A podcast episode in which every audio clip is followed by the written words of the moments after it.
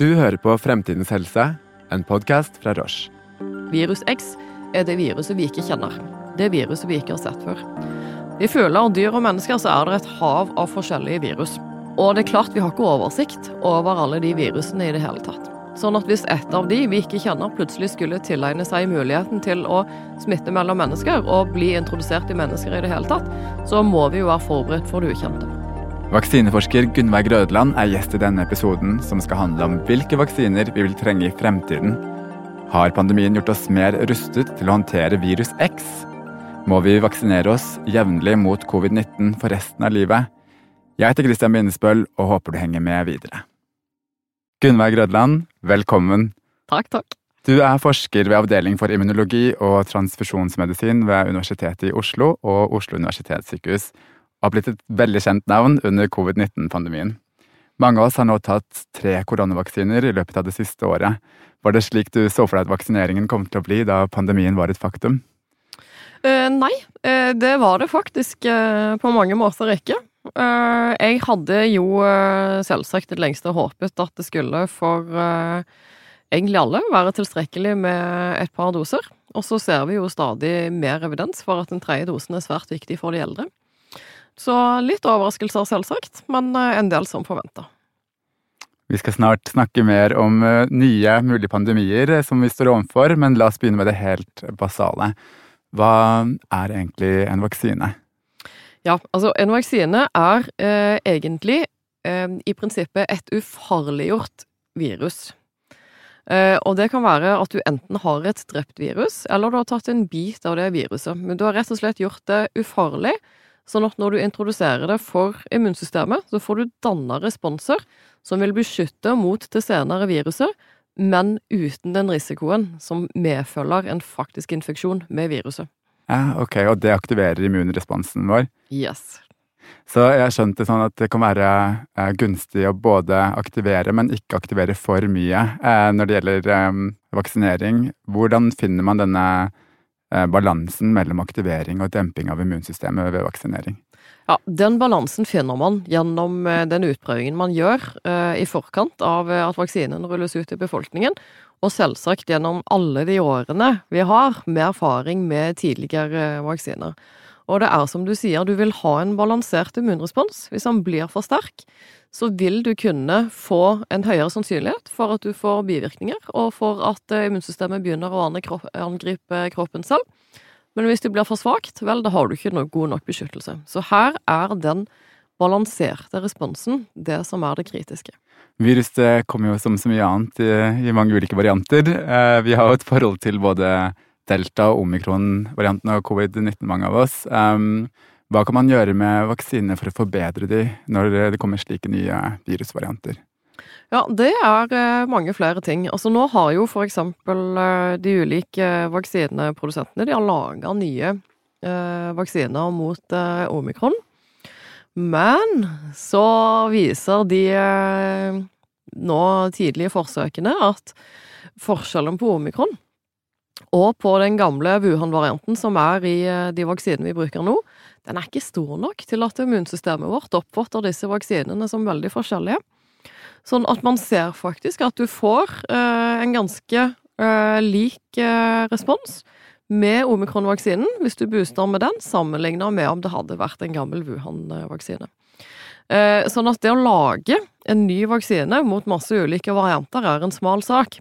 Men vi har blitt påminnet om at de faktisk må være ganske forskjellige, disse variantene. I hvert fall hvis du skal bruke vaksinen eh, flere ganger etter hverandre for å få liksom vridd immunresponsen i den eh, nye retningen. Men det er òg andre måter å tenke eh, bred beskyttelse på mot varianter. Man kan jo designe vaksinene på andre måter. Nå har alle de vaksinene som er godkjent, de har spike, denne koronapiggen, inne i vaksinen. Men det er jo bare piggproteinet på viruset. Viruset har jo en del andre proteiner i tillegg. Sånn at det går an å tenke seg at noen av disse endrer seg litt mindre enn eh, spike, eller det vet vi jo at de gjør, og inkludere disse i vaksinen i tillegg til spike for å få bredere beskyttelse. Så det er flere strategier. Det kan jo komme flere ulike varianter fortsatt. Eh, er det en måte å eh, forberede seg på, på en eller annen måte, når man utvikler vaksiner nå, med å prøve å treffe bredere eller forberede seg på eventuelt nye varianter som kan komme? Ja, det vil komme nye varianter, men det å forutsi hvordan de kommer til å se ut, det er svært vanskelig. Eh, det mest trolige er jo at de vil være en videre evolusjon av omikron, siden den har eh, det omfanget det nå har, og vil fortsette å mutere. Men som omikron selv minnet oss på, for den kom liksom litt sånn fra sidelinjen eh, som noe helt nytt, det kan selvsagt skje igjen.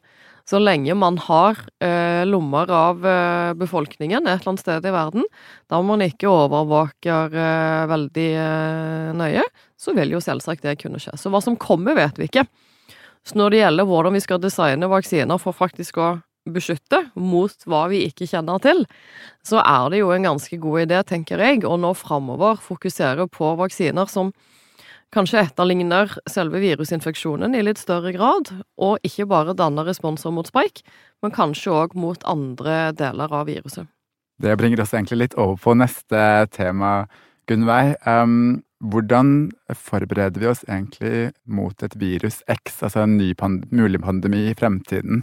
Det er et veldig godt spørsmål. Eh, fordi altså, Det som kjennetegner eh, virus X, det er WHO som har introdusert det som et av de virusene vi skal være forberedt på i framtiden. Og det X er jo den ukjente i matematikken, det kjenner vi alle fra skolen. Og det er nøyaktig det samme her. Virus X er det viruset vi ikke kjenner. Det viruset vi ikke har sett før.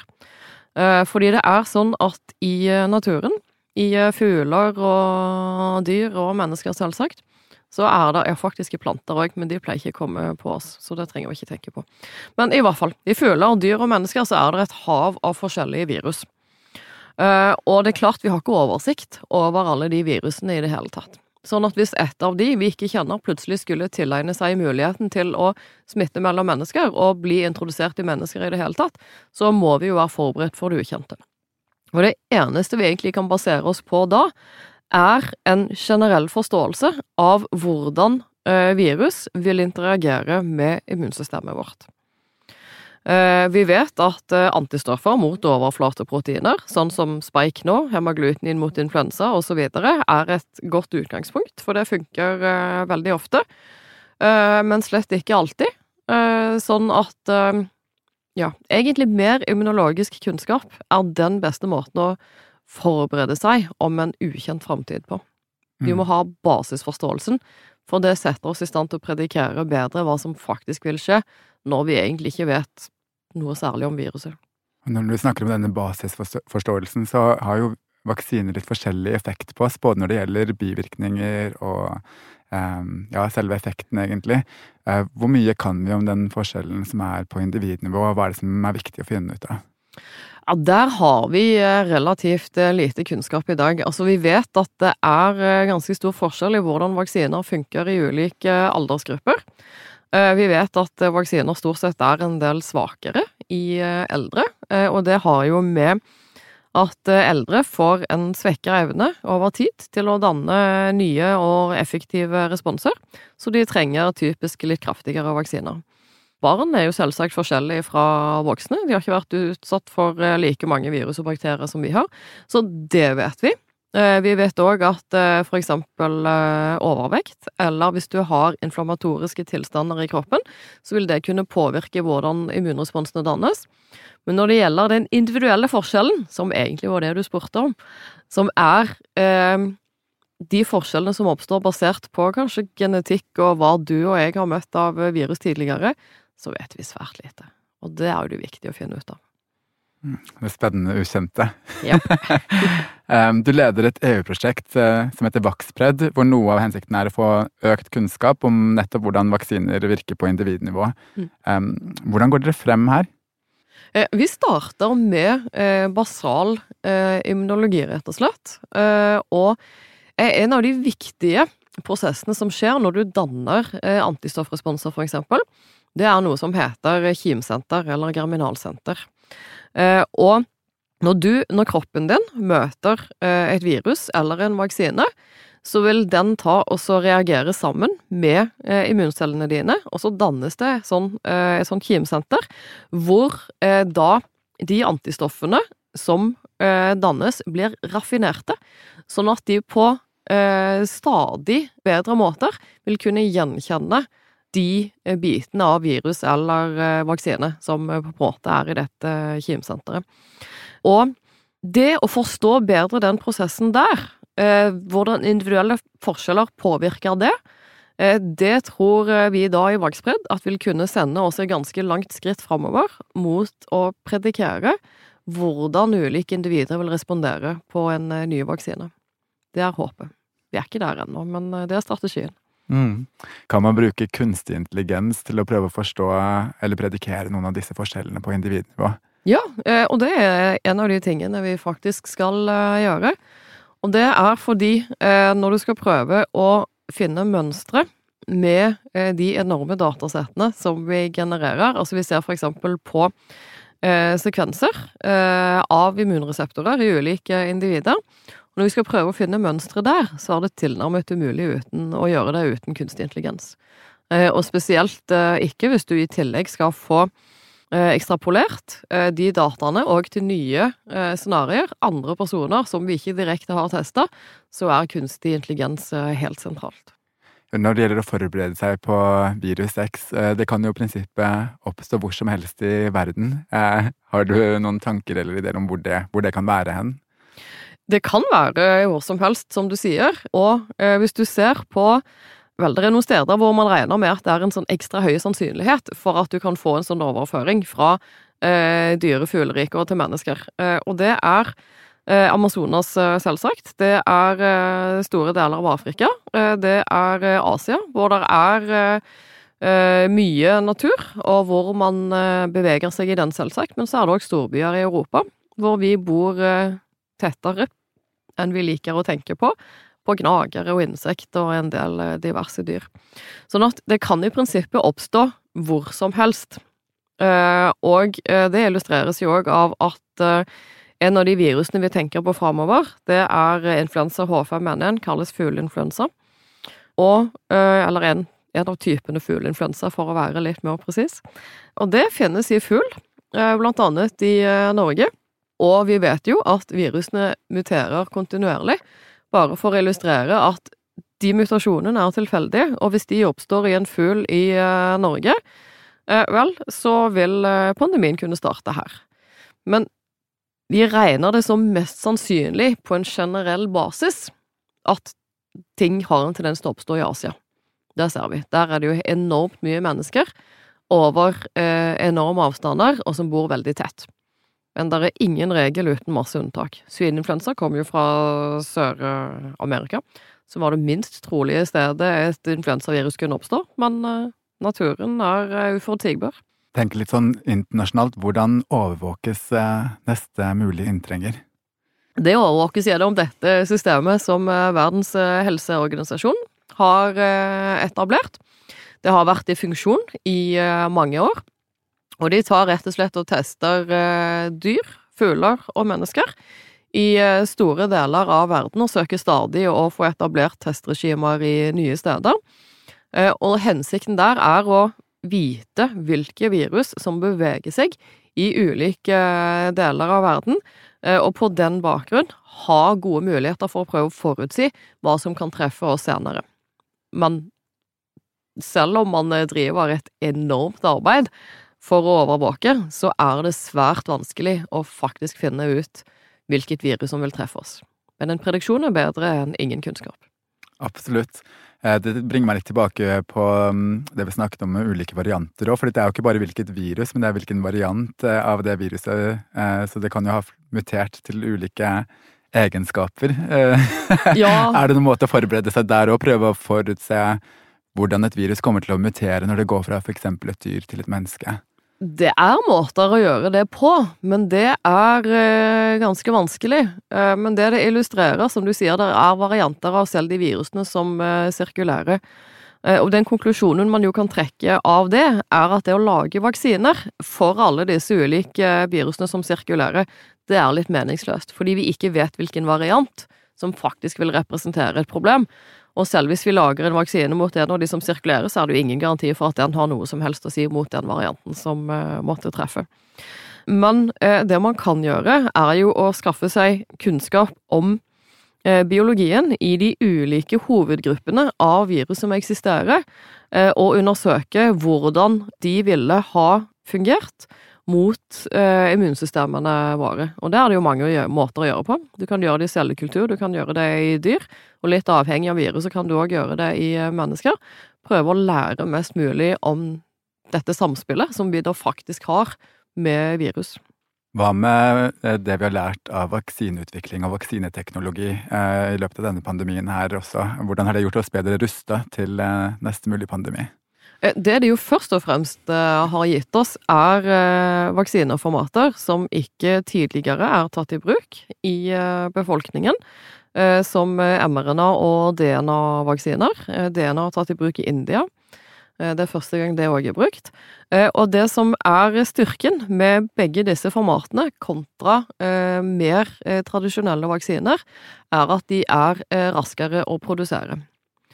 Og så vil eh, umiddelbart garantert en del eh, mennesker som hører meg si det, innvende at ja, men nå har du tatt litt tid å få på plass den omikron-vaksinen, og selskapene har akkurat eh, meldt at det kommer til å ta enda lengre tid.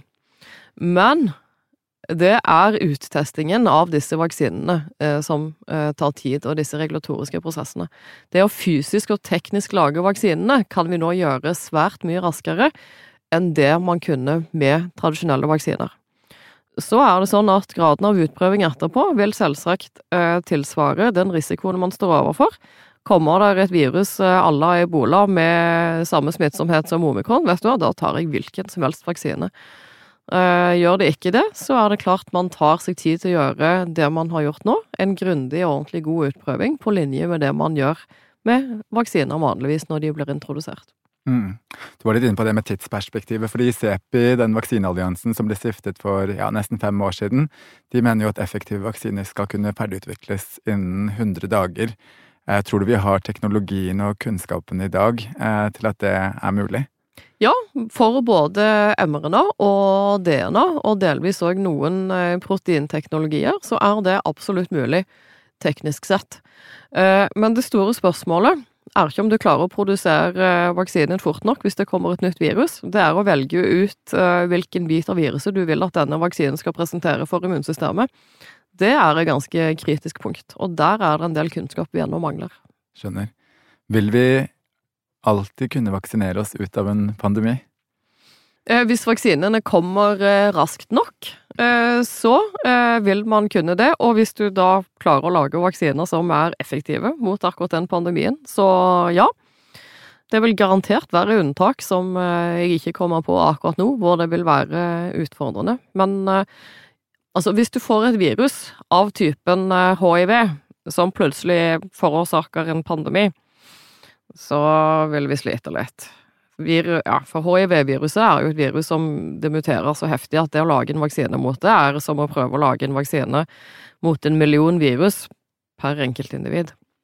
Mm, det er jo det, det muterer så, så raskt. Eh, der så ja. er det både kunnskap egentlig om virusene i seg selv, du nevnte det med den eh, mest optimale biten av viruset, men også egentlig immunsystemet. Å prøve å finne kombinasjonen av disse som vi trenger mer kunnskap om, både på eh, befolkningsnivå, men også på, på individnivå? Ja, eh, man trenger det. fordi altså, mange av de vaksinene vi har nå mot virus, de er basert på å danne disse blokkerende antistoffene som kan hindre viruset fra å trenge inn i cellene våre. Og da må de antistoffene være spesifikke for overflateproteinet. Det samme er selvsagt prøvd med hiv allerede på 80-tallet, eh, og effekten var jo bortimot null. Fordi det er jo nettopp disse overflateproteinene som driver og muterer. Eh, og for hiv så er det som å drive og prøve å få antistoffet til å binde seg til et eh, hyperaktivt eh, mål, som i tillegg er temmelig god på å kamuflere seg og lage nye former. Så vanskelig. Så det å forstå hvilken type immunrespons som da vil kunne beskytte mot hiv, for det er absolutt noen typer immunresponser som kan det, men vi klarer bare ikke helt å identifisere hvilken som vil funke i mange, og hvordan vi skal klare å danne de, uten at folk har vært utsatt for viruset før. Og når du sier det med overflateprotein som muterer, betyr det at det liksom gir viruset bedre egenskap til å gjemme seg inni cellene våre, eller kan du utdype det litt? Ja, uh, fordi hvis du ser på variasjon som oppstår i virus, så er den i utgangspunktet tilfeldig. fordi mutasjoner oppstår tilfeldig. Og det stemmer, men samtidig så er det en sannhet med modifikasjoner. Eh, og det er jo det at vi ser at det er eh, flere eh, mutasjoner som typisk kommer i overflateproteinene, sammenligna med de andre proteinene, og vi ser at det er òg områder på disse overflateproteinene hvor det er ekstra ofte mutasjoner. Og det er jo typisk de områdene som disse her antistoffene kunne ha bundet for å blokkere viruset. Eh, og det har eh, to årsaker. Den ene er at eh, viruset er avhengig av funksjonen for ganske mange av disse proteinene for faktisk å kunne formere seg. Og hvis det da oppstår mutasjoner, så vil det kunne forstyrre funksjonen, og derfor så vil ikke det produsere noen funksjonelle virus, og derfor så detekterer ikke vi de endringene. Sånn at det gjør spesielt at disse interne proteinene er eh, ganske like mellom ulike varianter.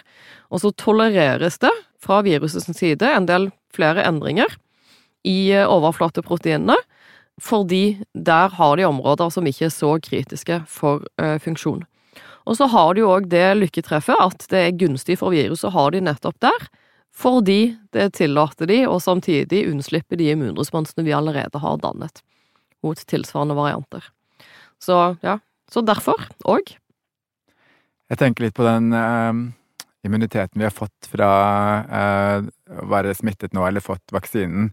Um, er det noen likheter med andre typer virus der ute som kan gjøre oss mer beskytta mot nye virus, eller starter man på en måte fra scratch med immunresponsen hver gang? Um, det kommer an på. Uh, altså, med uh, SARS-CoV-2 så har man jo uh, slektninger, kanskje ganske slektninger. fjerne slektninger, i form av disse koronaforkjølelsesvirusene som har sirkulert i befolkningen i en årrekke. Det er koronavirus, har gitt bare mild forkjølelse, men spesielt disse interne delene av viruset har en del til felles med SARS-CoV-2. Og vi ser jo at når vi tester, så vil folk som har hatt disse virusene, danne responser mot dem. De responsene vil òg kunne gjenkjenne SARS-CoV-2. Sånn at de vil jo faktisk, tror vi Det er ikke målt nøyaktig hvor mye de vil beskytte mot SARS-CoV-2 ennå, men at de gjør det på et eller annet nivå, det er jeg rimelig overbevist om. Eh, sånn at eh, tidligere eksponering for lignende virus vil kunne ha en eh, beskyttende funksjon mot framtidig.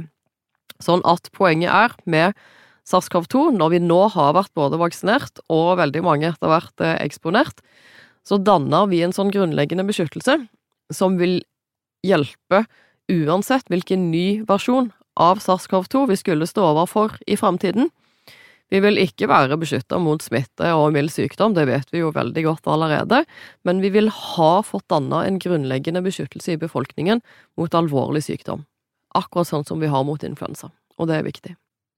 Nå nevnte du influensa, og du og kollegaene dine ved Universitetet i Oslo holder på å utvikle en fellesvaksine mot både influensa og covid-19.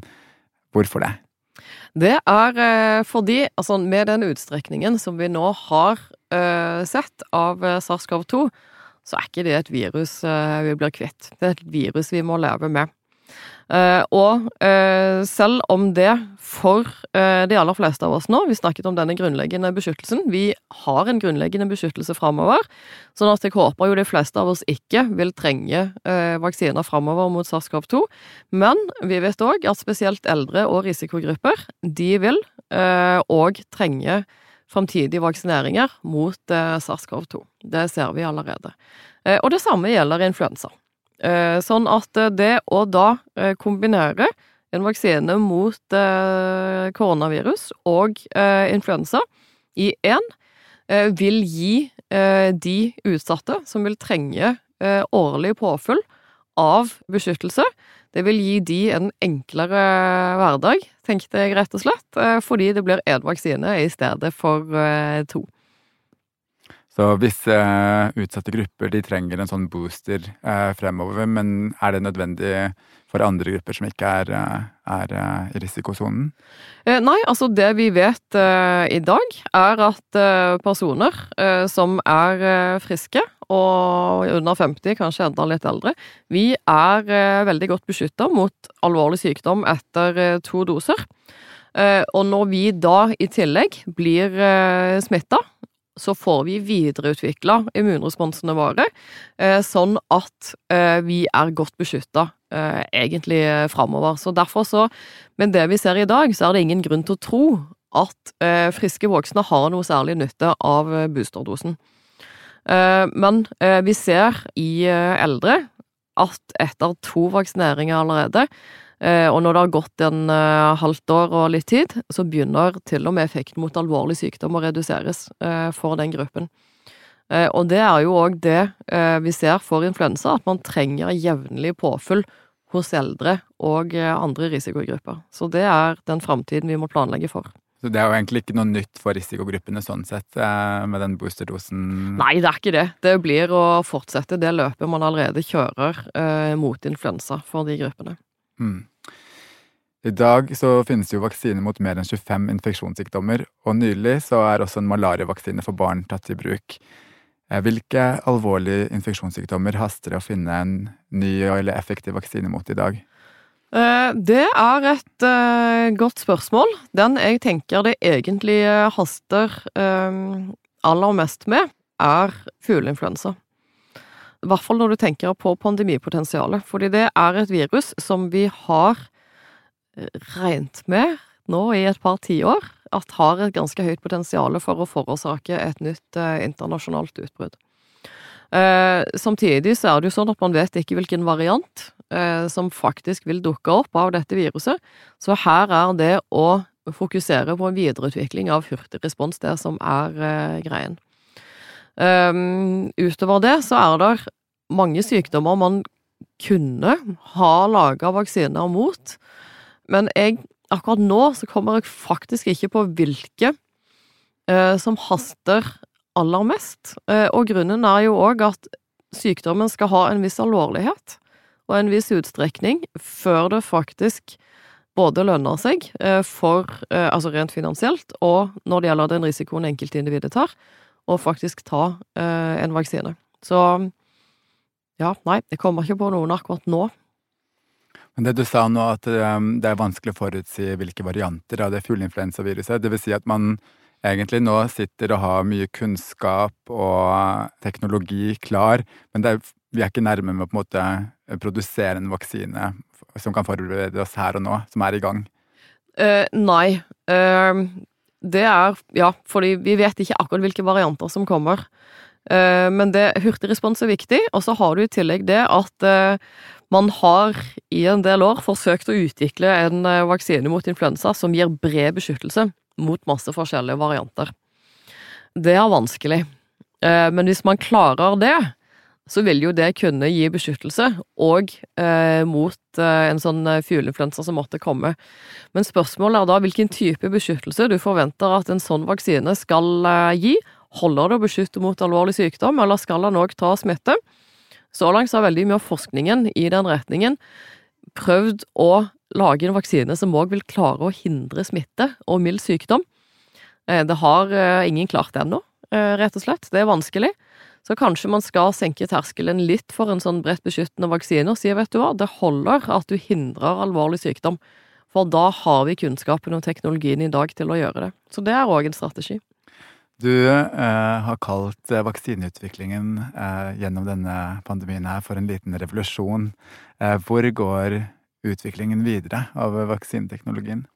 Ja, altså nå har selve teknologien utvikla eh, metoder for rask og god produksjon gjennom både mRNA og DNA, og det har òg kommet nye og gode proteinvaksiner.